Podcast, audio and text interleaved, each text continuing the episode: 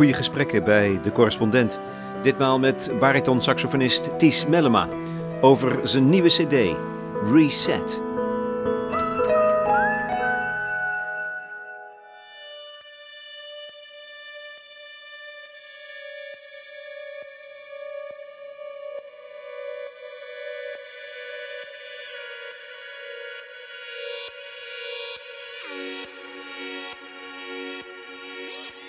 Is een soort wedergeboorte hè, van jou.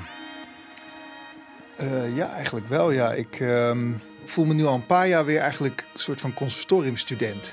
Uh, die, die alles opnieuw aan het ontdekken is, die muziek opnieuw aan het uitvinden is. En tegelijkertijd ga ik ook heel erg terug naar mijn puberteit. Naar de muziek die ik toen leuk vond, de dingen die ik toen deed. Uh, en eigenlijk ook naar, naar hoe ik ben opgegroeid met muziek zonder, zonder labels. dus waar luister je naar? Nou ja, vanaf eigenlijk al vanaf mijn uh, geboorte en daarvoor. Mijn moeder draaide alles door elkaar heen. Van jazzmuziek tot uh, popmuziek. Joe Cocker, Maddox en Englishman weet ik nog dat ze die keihard op zondagochtend draaiden. Wonen een heel groot huis in het platteland in Tolen. En dan zette ze alle ramen open, was aan het schoonmaken. She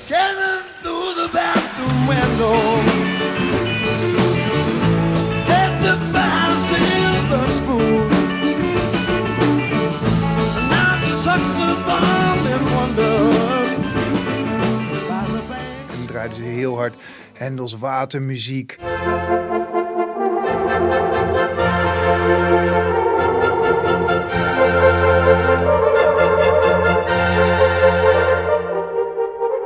Of Paul Simon, of uh, noem maar op, van alles. Van alles door elkaar heen. Dus ik had eigenlijk helemaal geen idee van, van die verschillende genres. En daar, daar kom ik nu weer een beetje, beetje terug. En ik ben mezelf op die manier opnieuw aan het uitvinden. Dat is eigenlijk wat ik toch het leukste vind. Ook met kwartet wilden wij altijd. Je bedoelt het saxofoonkwartet, het Amsterdam ja, Ja, eh, wij wilden altijd uh, nooit één richting kiezen. We hebben wel advies ingewonnen bij PR-bureaus. In de zin altijd, ja, je, je, moet iets kiezen. Nou, maar dat willen we niet. We willen in enkelzet willen we dit en dit. Een oude muziek, een nieuwe muziek, een moderne muziek. En misschien ook wel popmuziek dingen en, en chansons. We willen alles doen. Ja, en dat gaat, PR-technisch is heel erg gecompliceerd. Maar ja, muzikaal gezien kan het wel, maar dan moet je het zelf maken. Dus dat, dat ben ik nu gaan doen. En ja, daar heb ik echt zo ontzettend veel lol in. Ik heb, ik heb muziek maken nog nooit zo leuk gevonden als de afgelopen paar jaar. Gewoon letterlijk ook muziek maken. Dus niet eens componeren, niet gaan zitten en schrijven. Maar improviseren, met Barry samen gaan zitten en zeggen van... Barry Jurjes, dat is je slagwerker waar je nu ja, mee samenwerkt? Ja, we, we hebben nu samen een ensemble dat heet Peaks. P-E-A-X. En uh, uh, ja, we, al improviserend maken we onze stukken. En ja, dat geeft zo ontzettend veel voldoening. En even ongeacht of het eindresultaat nu wel of niet uh, mooi is. maar het proces alleen al is zo fantastisch om te doen.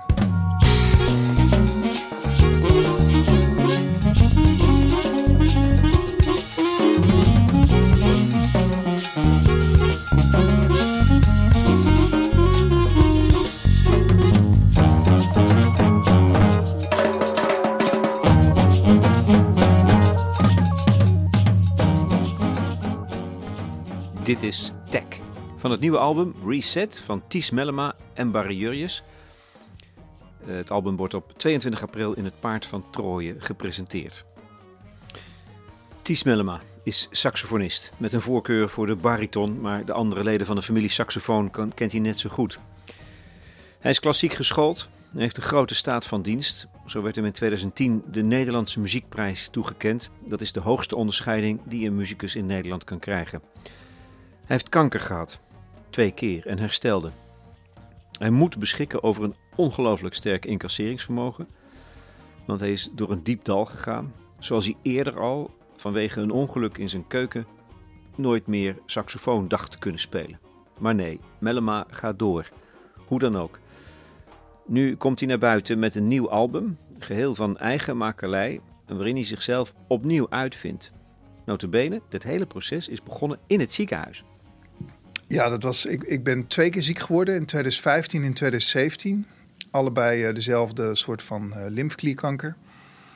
En 2017 dacht ik echt van ja, hoe ga ik dit... de eerste keer ah, hield ik nog wel wat aan over. Kon ik het nog wel een soort van omdraaien in mijn hoofd. kon ik er iets van maken. Maar de tweede keer dacht ik van, nou, dit, hier kan ik niks meer mee. Wat moet ik hier nou mee? Dus nou, toen ben ik toch maar muziek gaan maken. Uh, veel zwaardere chemo dan de eerste keer. En de eerste keer was al heel zwaar. Uh, uiteindelijk met de stamceltransplantatie ook. En ik moest ook in isolatie. En ik moest ook. Uh, de eerste chemo was aan polyklinisch. En de tweede moest ik dan ook voor in het ziekenhuis verblijven. Dus dat is allemaal best wel zwaar.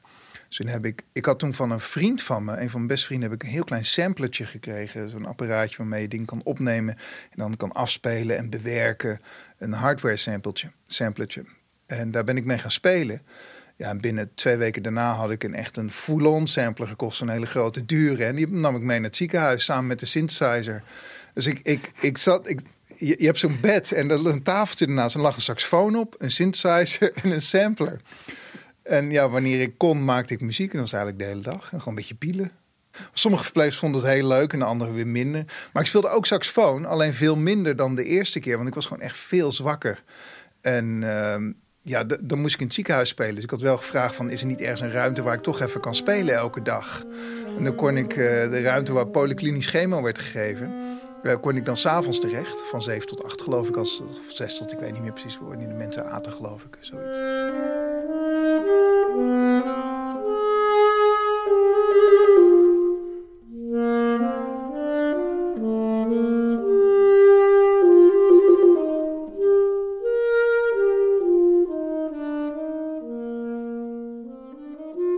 Je zet een stap, hè? Je hebt 25 jaar lang van partituren gespeeld. Hè? Mendelssohn, Bach, nou, you name it. En ook de, hele, de moderne jongens. En dan ga je dus vanaf weer bij nul beginnen, maar zelf maken. Hoe begin je dan? Wat, wat gebeurt er dan in je hoofd? Nou ja, in 2011 ontdekte ik fotografie en dat vond ik zo leuk. En dat, dat hmm. achteraf gezien voorzag fotografie voor mij in een behoefte om dingen te maken. Ja. Uh, vanuit het niks. En ik heb misschien niet een heel speciaal talent voor fotografie, maar ik heb wel goed oog voor wat, wat, wat ik mooi vind. En uh, ik, ik was heel erg enthousiast met fotografie. Ben helemaal geobsedeerd. Ik nam altijd een camera mee overal naartoe. Uh, ja, dat vond ik zo ontzettend leuk. En toen kreeg ik die, die, die chemo's. En toen ben ik tussen de twee chemo's door. In 2016 ben ik gaan revalideren. Toen heb ik ook een een cursus gedaan, uh, een soort van creative writing cursus van Julia Cameron. Dat heet uh, The Artist's Way. En zij noemt dat zelf een soort van westerse manier van meditatie. En dus dat je elke ochtend een half uurtje eerder opstaat en gaat schrijven. Vrij associatief schrijven. En daar kwam zoveel los. De twee belangrijkste dingen die loskwamen waren bijvoorbeeld dat ik ruim, nou ja, dat ik, ik, ik had ruimte nodig om iets nieuws te gaan doen. Ik wist nog niet precies wat. Maar ik wist dat ik kon niet en in het kwartet blijven en blijven lesgeven en iets nieuws gaan ontwikkelen. Daar had ik gewoon geen tijd voor. Dus er moest iets aan. Nou, wat moet er dan aan? lesgeven dacht ik eerst aan. Nou, nee. Uiteindelijk kwam telkens op papier terug, ik, ik moet stoppen met dat kwartet. En het eigenlijk hele stomme dat is helemaal niet slim, carrière technisch. Want het kwartet ging hartstikke goed, supergoed niveau. Uh, alom gerespecteerd. Elk jaar meerdere tournees naar China, Japan, Amerika, Canada, Siberië. zijn overal geweest. Carnegie Hall gespeeld. Waarom zou ik in godsnaam op een soort van hoogtepunt met het kwartet stoppen? Ne me pas. Il faut. Tout peut s'oublier. Qui s'enfuit déjà. Oublier le temps des malentendus et le perdu à savoir comment. Maar het bleef maar terugkomen in dat schrijven. Dus ik dacht, als het in mijn hoofd zit, dan moet ik daar iets mee. Dus ik ben er met mensen over gaan praten. En een half jaar later besloot ik dan uit het kwartet te stappen met heel veel pijn in het hart. En ja, dat is natuurlijk ook niet leuk voor die andere jongens, want die hadden net een jaar lang met een invaller gespeeld. Dan ben ik een paar maanden terug en zeg ik dat ik ermee stop. Ja, dat voelde ik me ook heel erg kloten over. Maar goed, uh, ja, en toen kwam er ruimte. Maar toen werd ik uh, een paar maanden na weer ziek. En toen realiseerde ik me dat ik in het ziekenhuis ook aan het luisteren was. Ik was aan het zoeken op Spotify naar muziek die ik nu aan het maken ben. En ik kon die maar niet vinden. En ik heb toen na mijn revalidatieperiode in 2018... heb ik bij het AFK een uh, potje aangevraagd. Amsterdam. Amsterdamse Fonds voor de Podium. Ja, om, om, uh, om een soort van uh, ja, herscholing binnen je vakgebied te doen. Om, ontwikkelbudget heet het. Om te ontwikkelen, verder te ontwikkelen in wat je nu aan het doen bent. En ik wilde heel graag dingen maken. Want ik had echt een bewuste beslissing genomen. Ja, fotografie, daar kan ik mee doorgaan. Ik kan zelfs fotograaf worden. Dat lag ook stoppen met saxofoon spelen. Misschien naar de fotovakschool of zo. Maar ik dacht van ja, ik heb nou 25 jaar eigenlijk mijn hele leven muziek gemaakt. Ik weet er zoveel van. Ik ken zoveel. Ik, ik ken theorie, ik ken geschiedenis. Ik, ik, eh, ik ken bijna alles wat er is aan muziek. En ik heb overal wel een soort van mening over. Waarom zou ik daar niet iets mee gaan doen? En fotografie moet ik toch weer eigenlijk alles een beetje opnieuw ontdekken. Misschien ook dingen die ik niet zo leuk vind. Studiofotografie zou ik dan moeten... Daar heb ik allemaal niet zoveel zin in. En ja, bij, bij muziek heb ik dat allemaal al gehad je bent, je bent ergens een keer begonnen. Dus gewoon zelf, dat vind ik zo fascinerend. Juist ook omdat je zoveel erfenis hebt. Ja. Jouw hoofd zit vol met noten. Ja. En met meesterwerken. Nou, ik, ik, was eigenlijk in de puberteit was ik al een beetje begonnen. En ik weet nog dat ik aan het begin van mijn conservatorium, zal ik nooit vergeten, had ik een programma op mijn PC. Dat heette Cakewalk. En dat was een sequence programma. En dat vond ik zo leuk om daar dingetjes in te zetten. Zodat ik, want ik had ook bijles uh, jazzmuziek, wilde ik per se. En daar, daar laadde ik dan zelf, want je had nog geen internet, nu kan je het allemaal downloaden. Maar ik maakte dan zelf mijn begeleidingstracks. En dat vond ik eigenlijk heel erg leuk, maar dat nam ik niet echt serieus. Van ja, goed, hè, de uh, klassiek conservatorium, een beetje Bach spelen en deze Claude, Denis of dat soort dingen. Ehm, en, en jazz erbij vond ik dan zelf toch wel heel belangrijk. Uh, maar goed, dat is, dat, ja, dat, daar deed ik verder niet zoveel mee. Nu denk ik terug van ja, dat weet ik. Ik weet nog dat ik dat deed. Ik weet nog dat ik het leuk vind, vond. En, en dat gedoe met die synthesizer en die sample in het ziekenhuis, ja, dat ging een heel eigen leven leiden op een gegeven moment.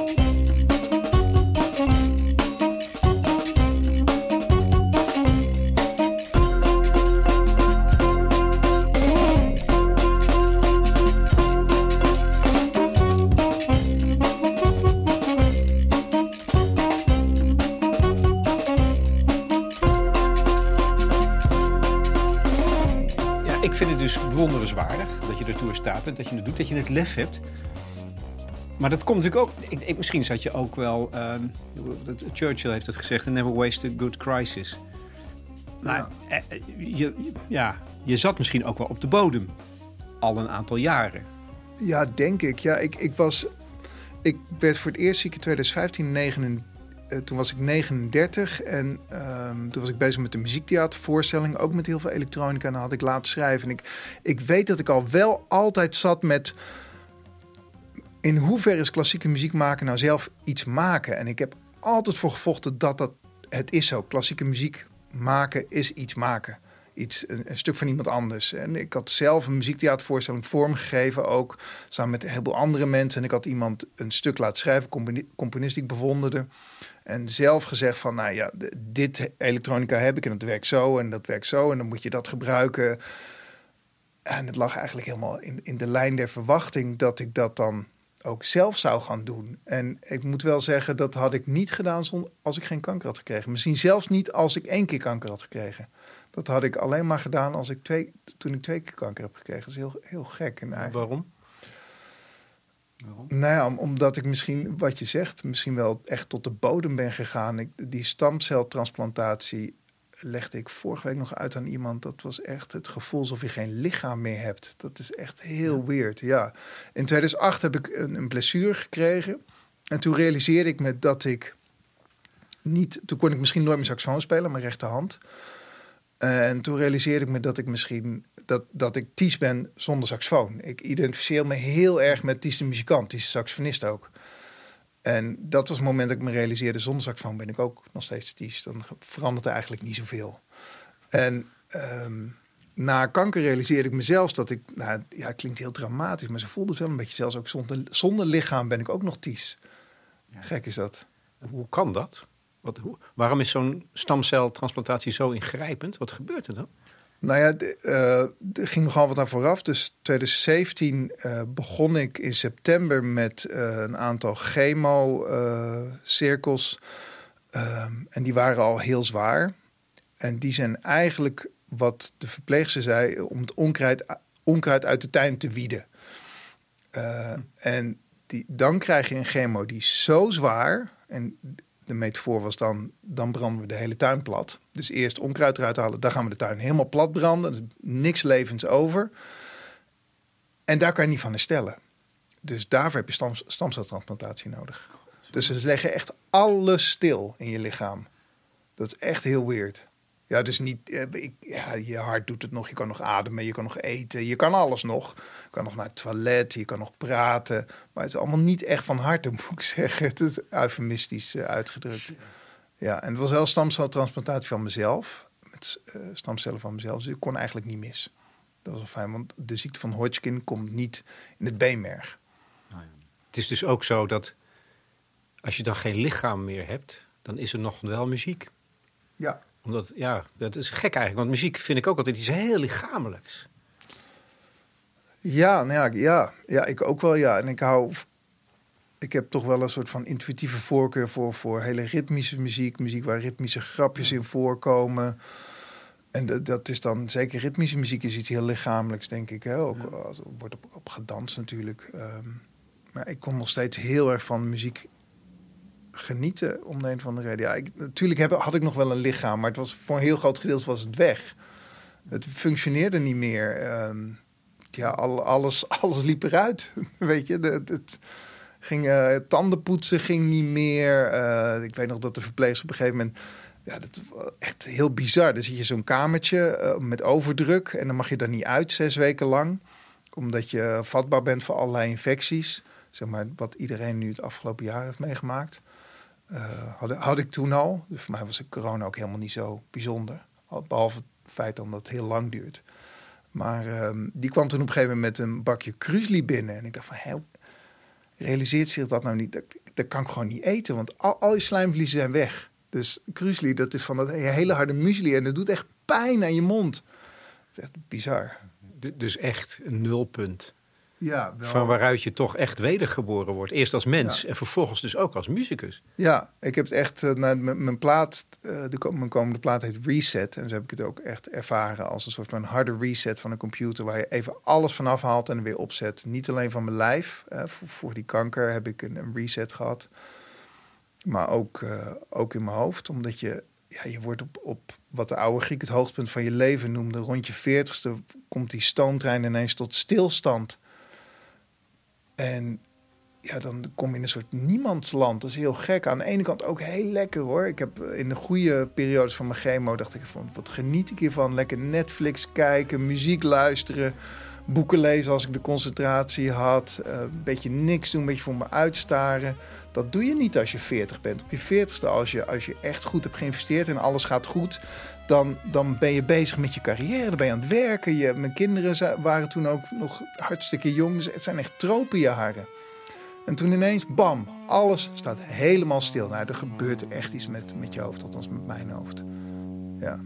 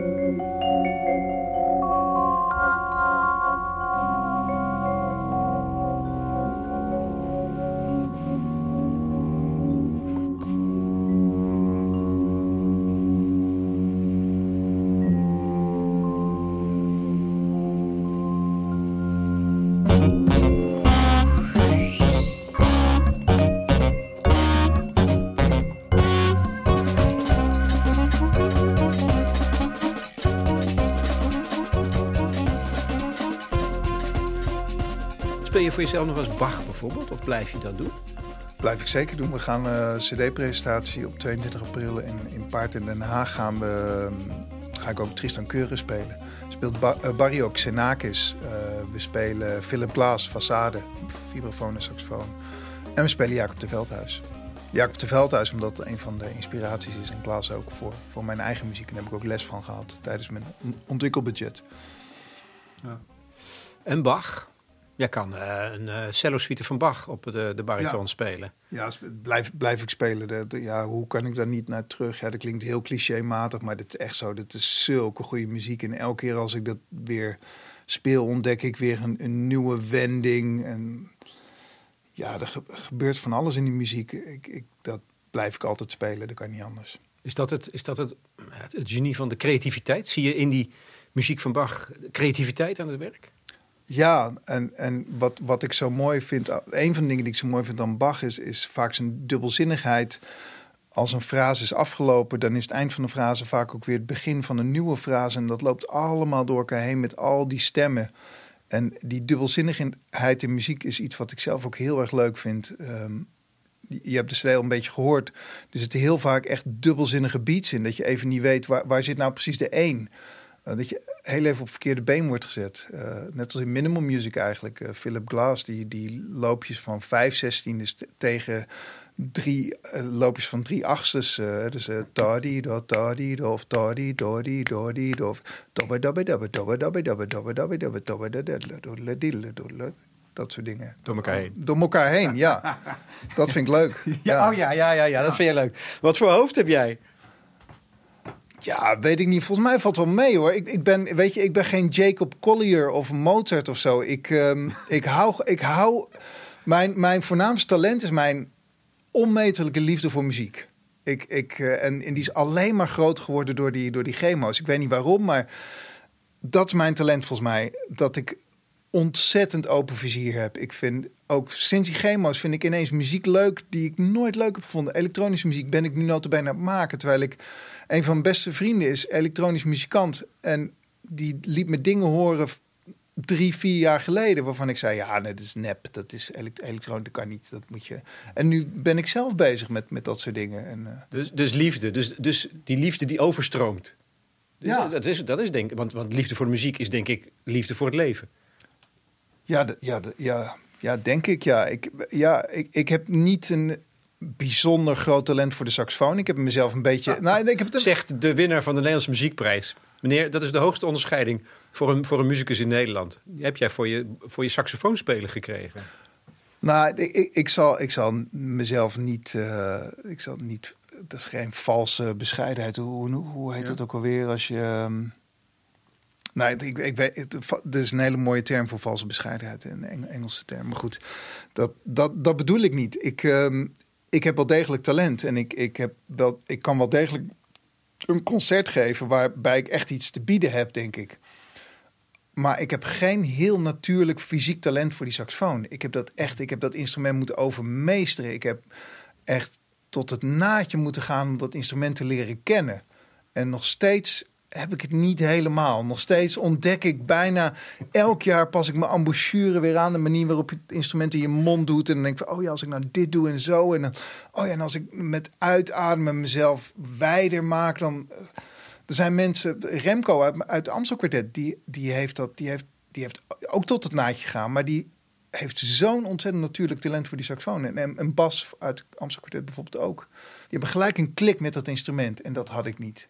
En ik denk ook dat dat mijn sterke punt is. Ik denk dat, dat die strijd die ik heb geleverd, dat je die ook hoort en ziet als ik op podium sta of op een cd. En ik denk dat dat het interessant maakt, die, die strijd. Als er geen frictie is, dan heb je ook geen goed verhaal, volgens mij.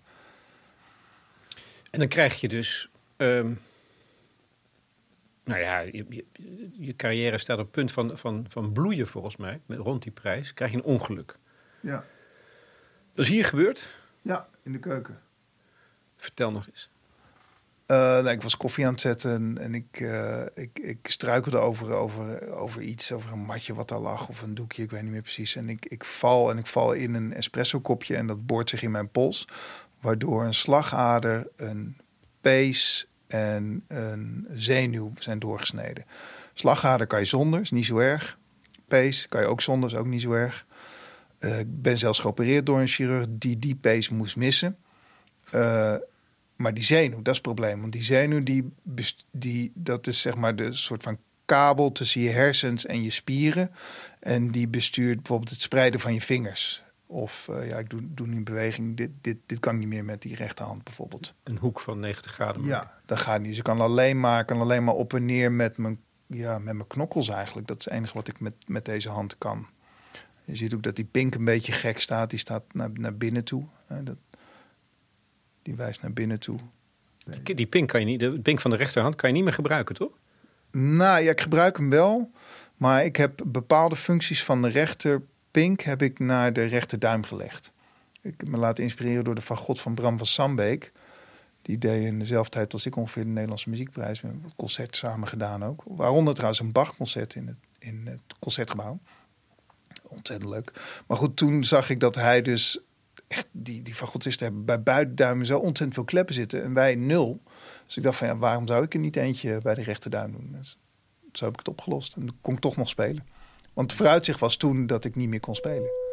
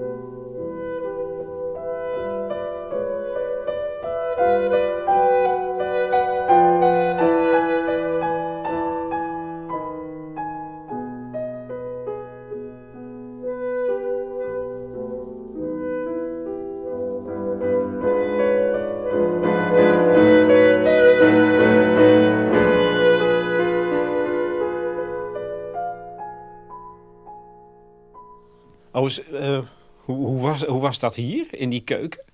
Besefte je dat meteen?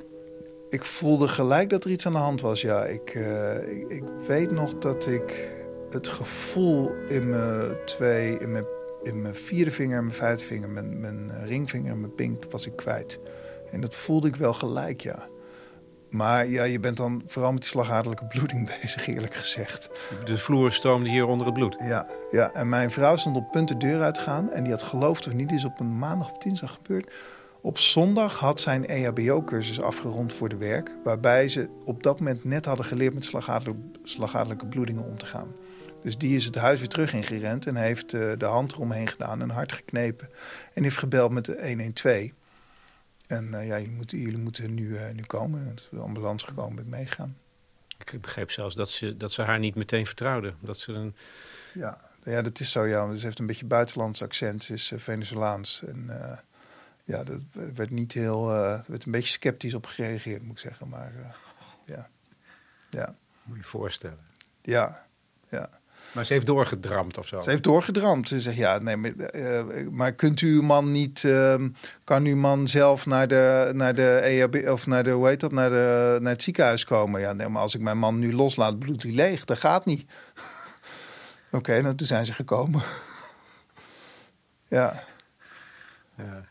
Maar je hebt het dus geflikt om vervolgens... jezelf over, over strijd leveren... Ik denk dat je dat hoort op een of andere manier in jouw musiceren. Dat, dat, dat zei je natuurlijk zelf ook al. Dat is een deel van het verhaal. Maar in die muziek zit dat. Je hebt jezelf leren saxofoon spelen met één hand. Ja. Ja, ik zou toen een cd opnemen met Mendelssohn. Die heb ik later nog uitgebracht.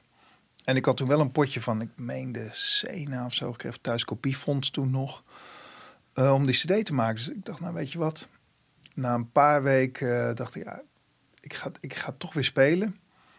En uh, toen ben ik een cd voor één hand gaan maken. Ben ik allemaal stukken uitgezocht. Heb componisten gevraagd om stukken voor één hand te schrijven. Dus deze noten kan ik spelen. Met deze wisselingen, dit kan je gebruiken. Succes. En er zijn een aantal hele leuke stukken uitgekomen, eerlijk gezegd, ja. die ik nog steeds wil spelen. Die mijn leerling. Ik heb nu een leerling met een gebroken rechterhand. En die speelt nu een aantal van die stukken. On the other hand. On the other hand heet die cd, ja. Ja, ja er zit trouwens ook nog hele geschiedenis aan vast, hoor. Want dit gebeurde en diezelfde week ben ik met een violist gaan praten. Um, Want ik, ik wist wel, oké, misschien kan ik nooit meer spelen. Hoe ga ik dit nou doen? Hoe kom ik eruit? Dus ik ben ook gelijk, dacht ik, maar misschien heb ik hier toch wat... Ik wist dat ik mezelf heel erg vereenzelvigde met, met Ties de muzikus ook. Dus ik, ik, als dit wegvalt, dat hele muziek maken, dan moet ik daar wel mee, mee, gaan, mee gaan dealen. Dus ik ben eigenlijk in diezelfde week dat dit is gebeurd, ben ik al allerlei actie gaan ondernemen. Onder andere met Jurjen Soeting gaan praten. En, dat was toen de tijd tweede violist uit het Romeo kwartet met Cindy Albracht, hij Hielkema.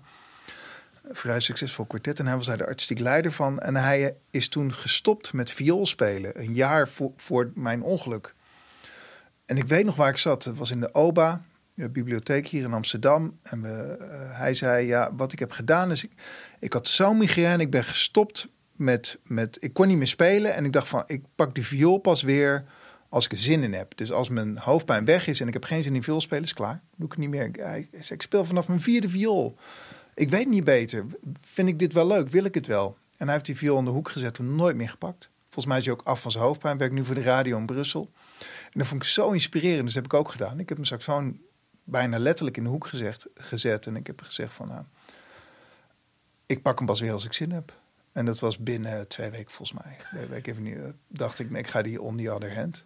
Er kwam volgens mij iemand anders mee. Ja, welke noten kan je dan wel? Ja, nee, maar dat moet je niet doen, joh. Dat, nee, dus, nee, maar luister nou, ik ga een stuk voor je maken met alleen die noten. Dat was Wijnand, Wijnand van Klaver. Een hele goede vriend van mij nog steeds. Een van mijn beste vrienden. En die heeft toen een stuk gemaakt. En toen dacht ik, nou, die zit wel wat in. Ik ga die cd, ik ga vragen aan Thuiskopiefonds of ik deze cd mag maken in plaats van die andere. Weet je, dat is het, toch het, het ontroerende, vind ik ook, als je er zo over vertelt. Hè. Aan de ene kant moet, je- word je gedwongen om, om onder ogen te zien dat je jezelf niet moet identificeren met de muziek of met je instrument. Maar wat dat oproept, is een, die, die, die overweldigende liefde juist voor de muziek en het instrument. Ja, ja, toen al.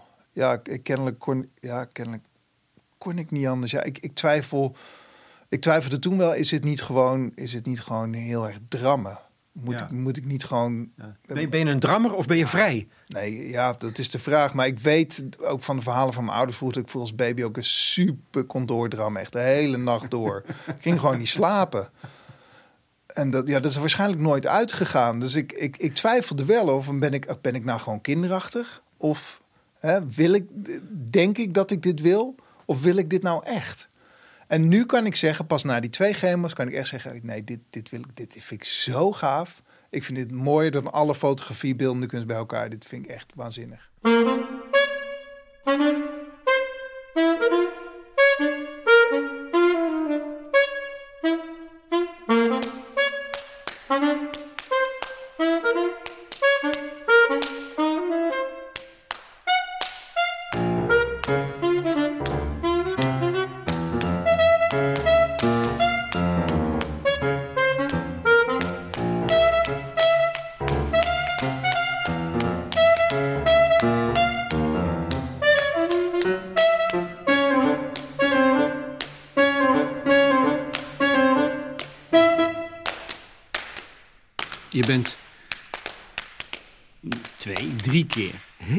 Bij de dood geweest. Ben je daar nou mee op goede voet geraakt? Nou ja, de, de- het eerste gesprek met mijn arts in, in 2015 was hier in OVG West. Die, mijn arts vertelde mij, ehm, zo heeft ze het niet gezegd, maar zo heb ik het me herinnerd. Zo, zo zit dat gesprek in mijn hoofd. Maar ze heeft het absoluut niet zo gezegd. Daar kan je heel duidelijk over zijn. Zei ik, ik heb goed en slecht nieuws. Slechte nieuws, je hebt kanker. Het goede nieuws, je hebt lymfeklierkanker. Lymfeklierkanker is prima te genezen, zei ze, over het algemeen. Maar we moeten nog even afwachten of je Hodgkin of non-Hodgkin hebt. En dan moeten we kijken welk vorm van Hodgkin of non- non-Hodgkin je hebt. Dus dat duurt nog wel een paar weken. Ja. En toen heb ik heel erg mijn best gedaan om niet te gaan googlen naar lymfeklierkanker. Want dan kan je zelf helemaal gek maken. Maar ik wist wel dat er bepaalde vormen van non-Hodgkin zijn die wel echt problematisch zijn. Dus dat was wel even heel spannend, die paar weken. En dat, eigenlijk, dat vond ik de spannendste tijd eigenlijk. En toen bleek dus dat ik klassieke Hodgkin had. En dat is eigenlijk met een wel hele zware chemo, die ook wel echt wat doet met je lichaam, prima te genezen. En de tweede keer toen ik het had, toen zonk de moed me echt in de schoenen. Zei de arts ook, ja, het kan heel goed zijn dat die vorm van Hodgkin zich heeft ontwikkeld tot een vorm van non-Hodgkin bijvoorbeeld. En weet dat dat, dat er ongeveer 40 vormen van non-Hodgkin volgens mij, dat daar hele kwaadaardige bij zitten. Dus ja, dat, ik, ik wil dat niet bagatelliseren, want dat is echt een klote periode. En toen dacht ik, ja, ik weet nog dat ik op een gegeven moment mijn moeder huilend in de arm ben gevallen. Ik wil niet dood. Echt gewoon dat.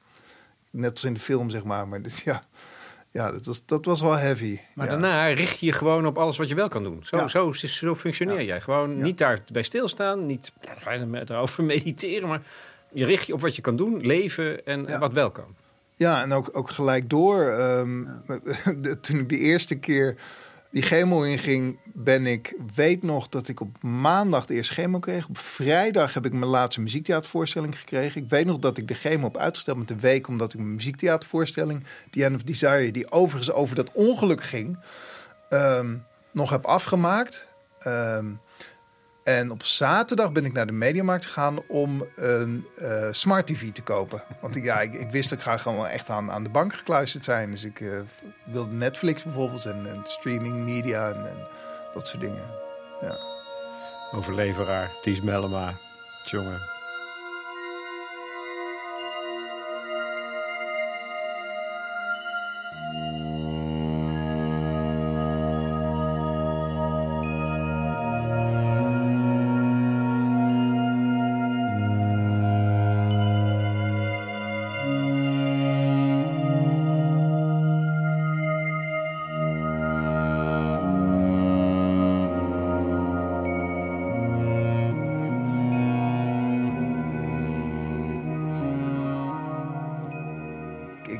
Mezelf al vrij inclusief qua, qua muzieksmaak.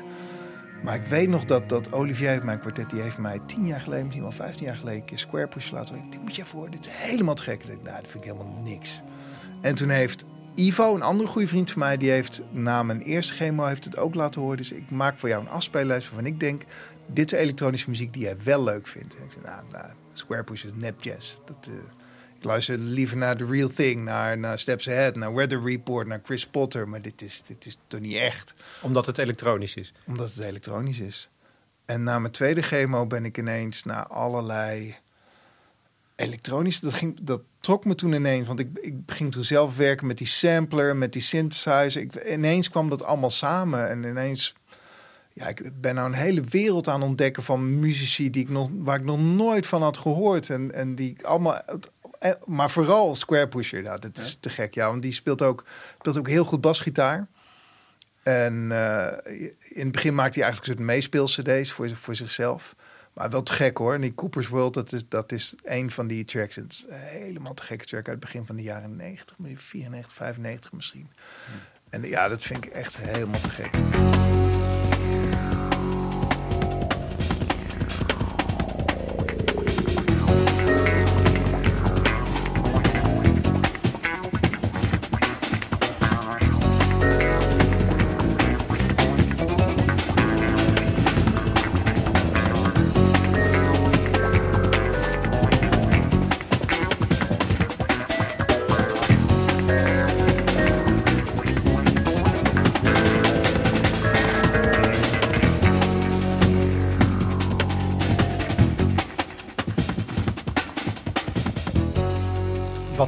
Dan in? Eh, Ten eerste tempo. 140 of hoger, dat is echt heel snel. Hè. Dus eh, 120 is ongeveer marstempo, eh 60 tot 80 is ongeveer wandeltempo. En eh, ja, 140 is gewoon, dat is echt heel snel. Rennen. Ja, ja, het is echt heel snel. We hebben op ons CD staat ook één stuk dat staat in tempo 160. Ik, ik hou van snelle tempi, daar heb ik iets mee. En ik, ik vind virtuositeit vind ik ook toch altijd heel... Ja, het is misschien een zwaktebod, maar ik vind maar- virtuositeit altijd lekker om te horen. Ja, er zijn veel muzici die dit hebben. Hè? Racen, eh, Formule Ja. 1 racen of vliegen. Ja, Eh, ja. eh, eh, nou ja, dat is dus... Ja, Nou ja, en, en de reden waarom ik saxofoon heb uitgekozen was ook vanwege Charlie Parker. Mijn vader heeft mij Louis Armstrong, eh, Benny Goodman en Charlie Parker laten horen. Het, uiteindelijk boilde het down tot, tot die drie muzikanten, die, die drie instrumenten. Dus ik heb saxofoon niet op zicht uitgekozen. Maar ja, volgens mij, als ik nu terugkijk op het tempo van Charlie Parker, er waren tempo nog sneller. 200 tot 220. Het zit niet eens op de metronoom, zo snel gaat het. Die man moet geweten hebben dat hij doodging of zo. Dat hij al, alles gezegd wilde hebben. Het is ook opwinding, denk ik, toch? Een hele sterke fysieke opwinding van leven, denk ik. Ja, absoluut. Ja, en ja dat, je, dat je. ik, ik heb ook de neiging als ik heel enthousiast over iets ben om heel snel te praten en om de draad kwijt te raken. En dan ma maak ik een afslag en dan weet ik niet meer waar de vraag eigenlijk over ging. En, ja, dat heb ik al eens gemerkt. Ja, ja, exact ja. maar de, de, bijvoorbeeld Square Push, als ik dat aan, aan, aan uh, mijn vriend Remy laat horen, dan, dan uh, ja, die trekt het helemaal niet. Die vindt die tempi, dat, ik, ik kan het gewoon op de achtergrond. Ik kan er een boek bij lezen. Ik vind het echt fantastisch om te, om te horen. Het, uh, een andere vriend van mij noemde het Weather Report on steroids. Dat vond ik, vond ik wel leuker. Ja.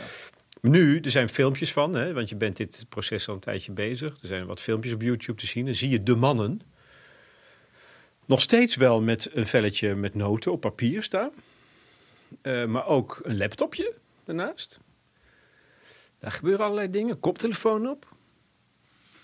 Dus dat heeft ook wel iets van, als je er naar kijkt, dus als je luistert, dan, dan onttrekt zich voor een deel hè, het, het, dat wat er creatief aan is, aan je, aan je waarneming. Je hoort het wel, maar jullie zitten te pielen. En dan, en dan, dan kan je dat niet altijd volgen. Snap je? Ja, dat snap ik heel goed. Ja. En dat is natuurlijk, ja, wij, wij beginnen net. Hè. Ik ben nu twee jaar met elektronica bezig en Barry uh, een jaar. Dus ja, we moeten heel erg ons eigen weg vinden. En uh, ik ben 45, maar wat ik aan het begin van het gesprek zei, ik voel me net een conservatoriumstudent. Ik moet weer alles opnieuw uitvinden.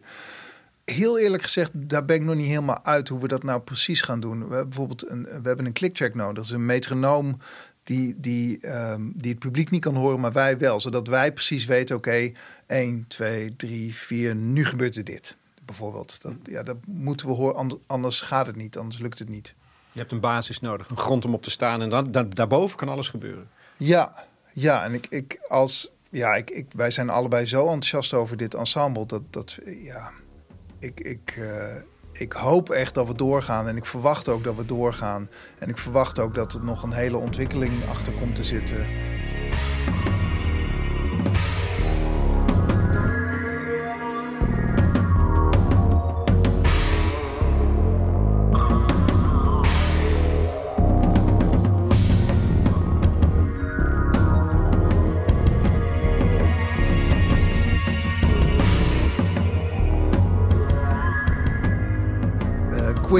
Stukken op de CD. Dat gebaseerd, gebaseerd op een improvisatie die ik deed over stukken van, van um, de Machot en, en Dufay. Ja, dat zijn uh, dus renaissance componisten. Dan ga je een paar eeuwen terug hè, voor de ja. mensen die niet vertrouwd zijn met barokmuziek of oude muziek. Ja.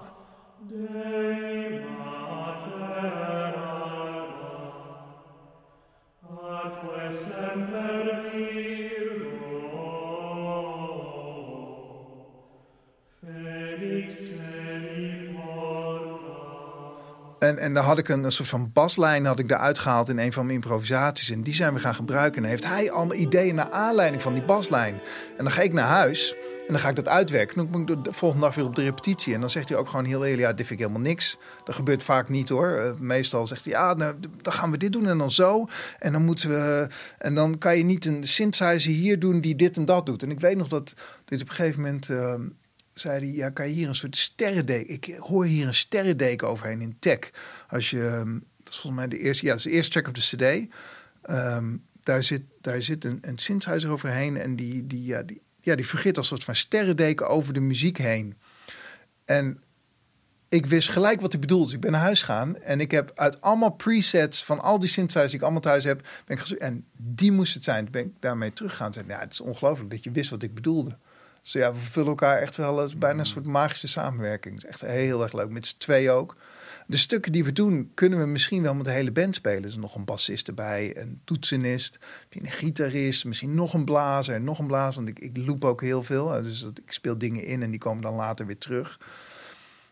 Maar ik vind het zo te gek om met z'n twee te werken. Ik heb natuurlijk twintig jaar lang met, met vier mensen gewerkt in een kwartet. En dat was super leuk. Een hele creatieve jongens. Maar met z'n tweeën is wel echt een stuk makkelijker, moet ik zeggen. En dat is ook zo leuk. En ja, dat, dat is ook een buitenkant hoor.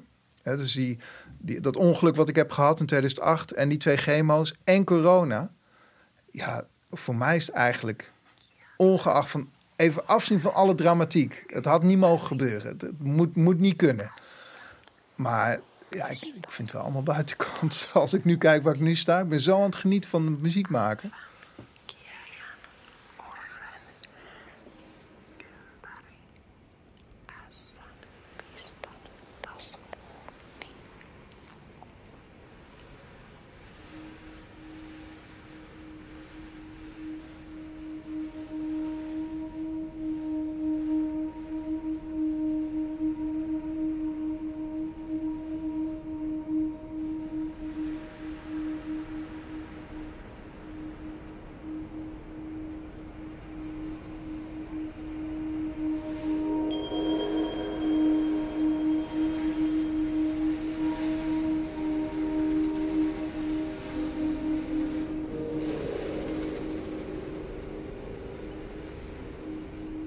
Eigenlijk is deze cd is een soort van... Uh, de, de vertaalster van het boekje vertaalde met condensation van alles wat ik heb, heb, ooit heb gehoord en gespeeld. Alles komt samen. Er staat één avant-gardistisch stuk op waar, waarbij we schatplichtig zijn aan, aan Stockhausen, Berio en aan Square Pusher. En, en aan ja, maar er, zit bijna helemaal geen. Er zit eigenlijk geen beat in. Het is gewoon helemaal vrij met allemaal hele schrille, enge klanken. Dat maakte ik aan het begin van coronacrisis. Een vriendin van me, die liet ik toen horen. En die zei: Jeetje, als dit is wat ons te wachten staat na corona, nou dan weet ik het niet hoor. Uh, maar... Het was een vertaling van je ervaring toen ook. Of van het onheilspellende wat ons overkwam.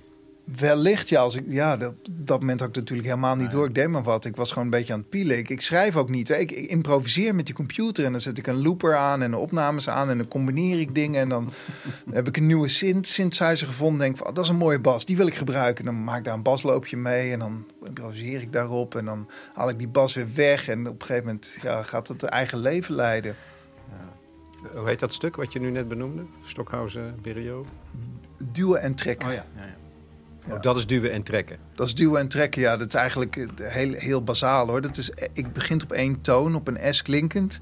En daar ga ik een beetje tegenaan schuren. Ik ga kwarttonen spelen. En uiteindelijk is dat hele stuk bestaat ook uit, uh, uit kwarttonen. Dus noten die, dat zijn de noten tussen de toetsen van de piano. Zijn noten die echt heel veel pijn doen. Dat het niet prettig is om te horen.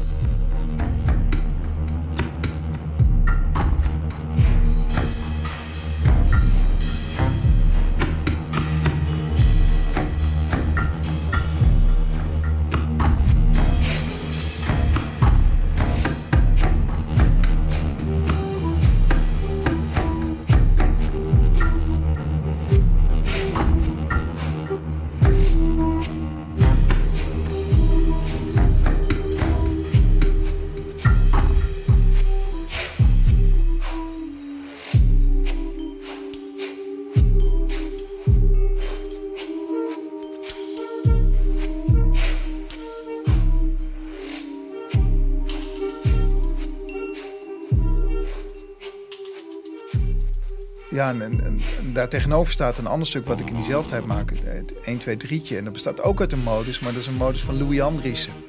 En die noemde die modus schijnbaar 1, 2, 3'tje. Dus dat stuk heet nu ook zo. Alle, alle werktitels zijn uiteindelijk de definitieve titels geworden. De creativiteit in titels moet misschien nog... Uh, moet ik ergens anders vandaan halen nog. Maar nee, ik vind het hartstikke leuke titels. Maar de 1, 2, 3'tje dus. Uh, en dat, dat is wel weer een, een groove-achtig stuk. Maar daar probeer ik ook iets anders te doen dan zomaar een groove neer te leggen en een baslijn en wat minimal patroontjes. Maar ik, het is eigenlijk een soort van verhaal wat heel geleidelijk wordt verteld en, en nooit echt tot een climax komt. Het, komt nooit ergens aan. Dat was eigenlijk het, het onderliggende concept van dat stuk. Want dat is ook dan weer spannend. Want ik, ik ken jou onder andere van het programma Discotabel, waarin jij uh, panellid bent en een oordeel velt over nieuwe cd's die je niet kent, waarbij je geen informatie krijgt. En dan, dan heb je altijd wel behoefte aan ontwikkeling. Dat is een van de dingen die je vaak zegt. Ja, dan klinkt het wel lekker. Maar waar gaat het naartoe? En om in muziek aandachtig te blijven, in de band te raken, dan moet je het gevoel hebben: hé, hey, er gaat iets gebeuren, er gaat iets komen. Um, nou zeg je, ik werk juist bij zo'n stuk, even, laat ik die climax weg. Dus dan ga je toch weer dwars tegen je eigen verlangen en principes in. Ja, ja, misschien wel. Nou ja, dat stuk bestaat ook. Al die stukken zijn bijna een soort van. En dat bedoel ik niet op een slechte manier, bijna een soort van collage. Dus in, in 1, 2, 3 gebeurt klankgewijs wel heel veel. Er zit heel veel afwisseling. Barry en ik zijn allebei hele drukke personen. We hebben eigenlijk niks met, met neoclassiek of met, met, met al minimal die echt al te zeer minimal is, zeg maar. Er moet wel, er moet wel iets gebeuren. Dus al die stukken die wisselen veel van klank af. En dat, van kleur dus. Je en van kleur, ja. Ja, er, er gebeurt altijd wat. Maar ja, ik denk wat ik bedoel is dat het verhaal wat ik vertel komt nooit echt tot een climax. Het is een beetje een. Het, het, het, ja, het, het, dreutelt gewoon een beetje, een beetje verder. Dat is eigenlijk het idee. Hè? Ik heb dat vaak ook het gevoel bij, bij bepaalde ehm, expressionistische muziek. Uh, sommige stukken van Schoenberg of zo. Of, um, eh, of, of reger ook. Uh, dat is muziek die, ja, die, dreut, die zoekende muziek. Dat vind ik heel, heel, heel fijn. Echt zoekende muziek. Dat je, dan gebeurt er iets en ik, hè, waar komt dat nou weer vandaan? En bij Haydn is alles wel te verantwoorden. En gebeurt alles volgens een bepaald soort, ja, bijna een soort van plan. En dat is ook heerlijk om te horen. Maar muziek waarbij je geen idee hebt wat er nu weer gaat komen. Dat vind ik eigenlijk vind ik zo lekker. En dat, dat, dat is een beetje het idee van 1, 2,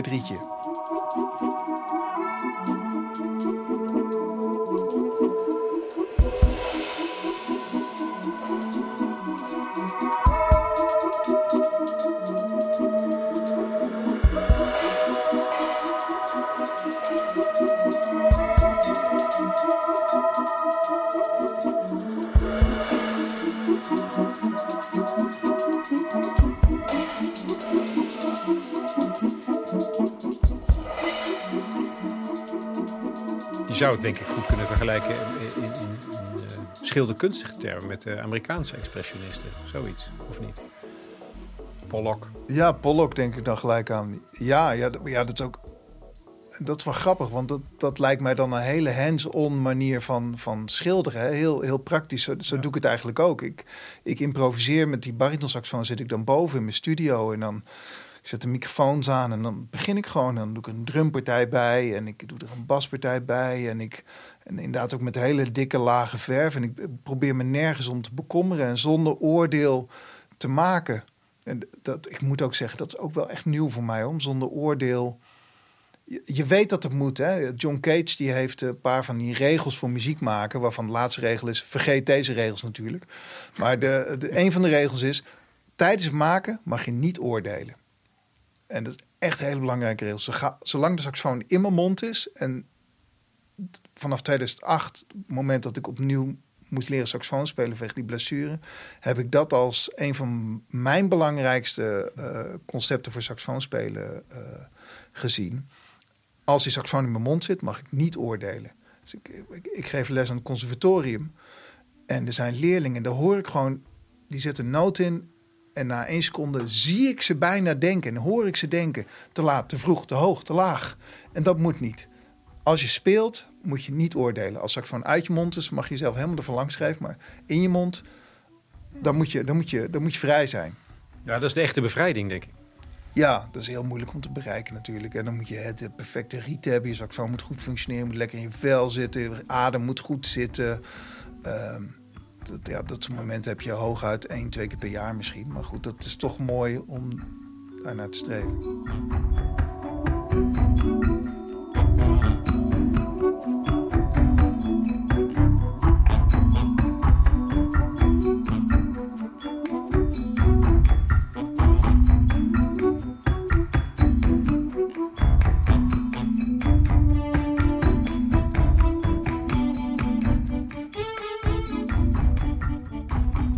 22 april. CD-presentatie, concert in het Paard van Trooi. Met publiek. Ja. Potverdorie. Ja. Wat betekent dat voor je? Ja, ik, ik, kan me niet meer herinneren hoe het is om voor het publiek te spelen. Ik, uh, ik vind het nu al heel erg spannend. Uh, vind je het eng ook? Ja, ik vind het wel eng, ja. Ook omdat het voor het eerst is dat we met die cd naar buiten komen. En omdat we nu nog aan mixen zijn. Dus we moeten echt nog wel heel hard werken om die cd af te maken. Überhaupt.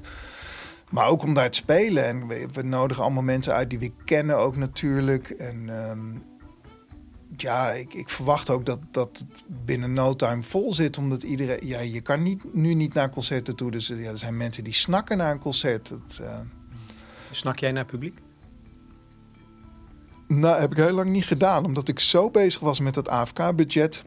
Dat AFK-budget overlapt eigenlijk precies met corona. En daarna speelden we in de beurs. Toen zijn we dat ensemble begonnen. Toen zijn we de CD gaan voorbereiden. Ze waren eigenlijk zo bezig met, met, uh, met lopende zaken dat ik helemaal niet kunnen denken aan publiek. En dat, ja, dat komt nu weer een beetje dichterbij. En ik vind het wel heel spannend, moet ik zeggen. Ik, ja, ik weet niet meer hoe dat was. En ook, we hebben nog maar een paar keer met die elektronica een heel programma gespeeld. Hè? Dus ik, ik weet ook niet goed hoe dat, uh, hoe dat gaat werken. En. Uh, ja, hier zit gewoon echt zoveel liefde en passie in. En uh, het is ontzettend leuk om te doen. Ja. Dankjewel. Graag gedaan.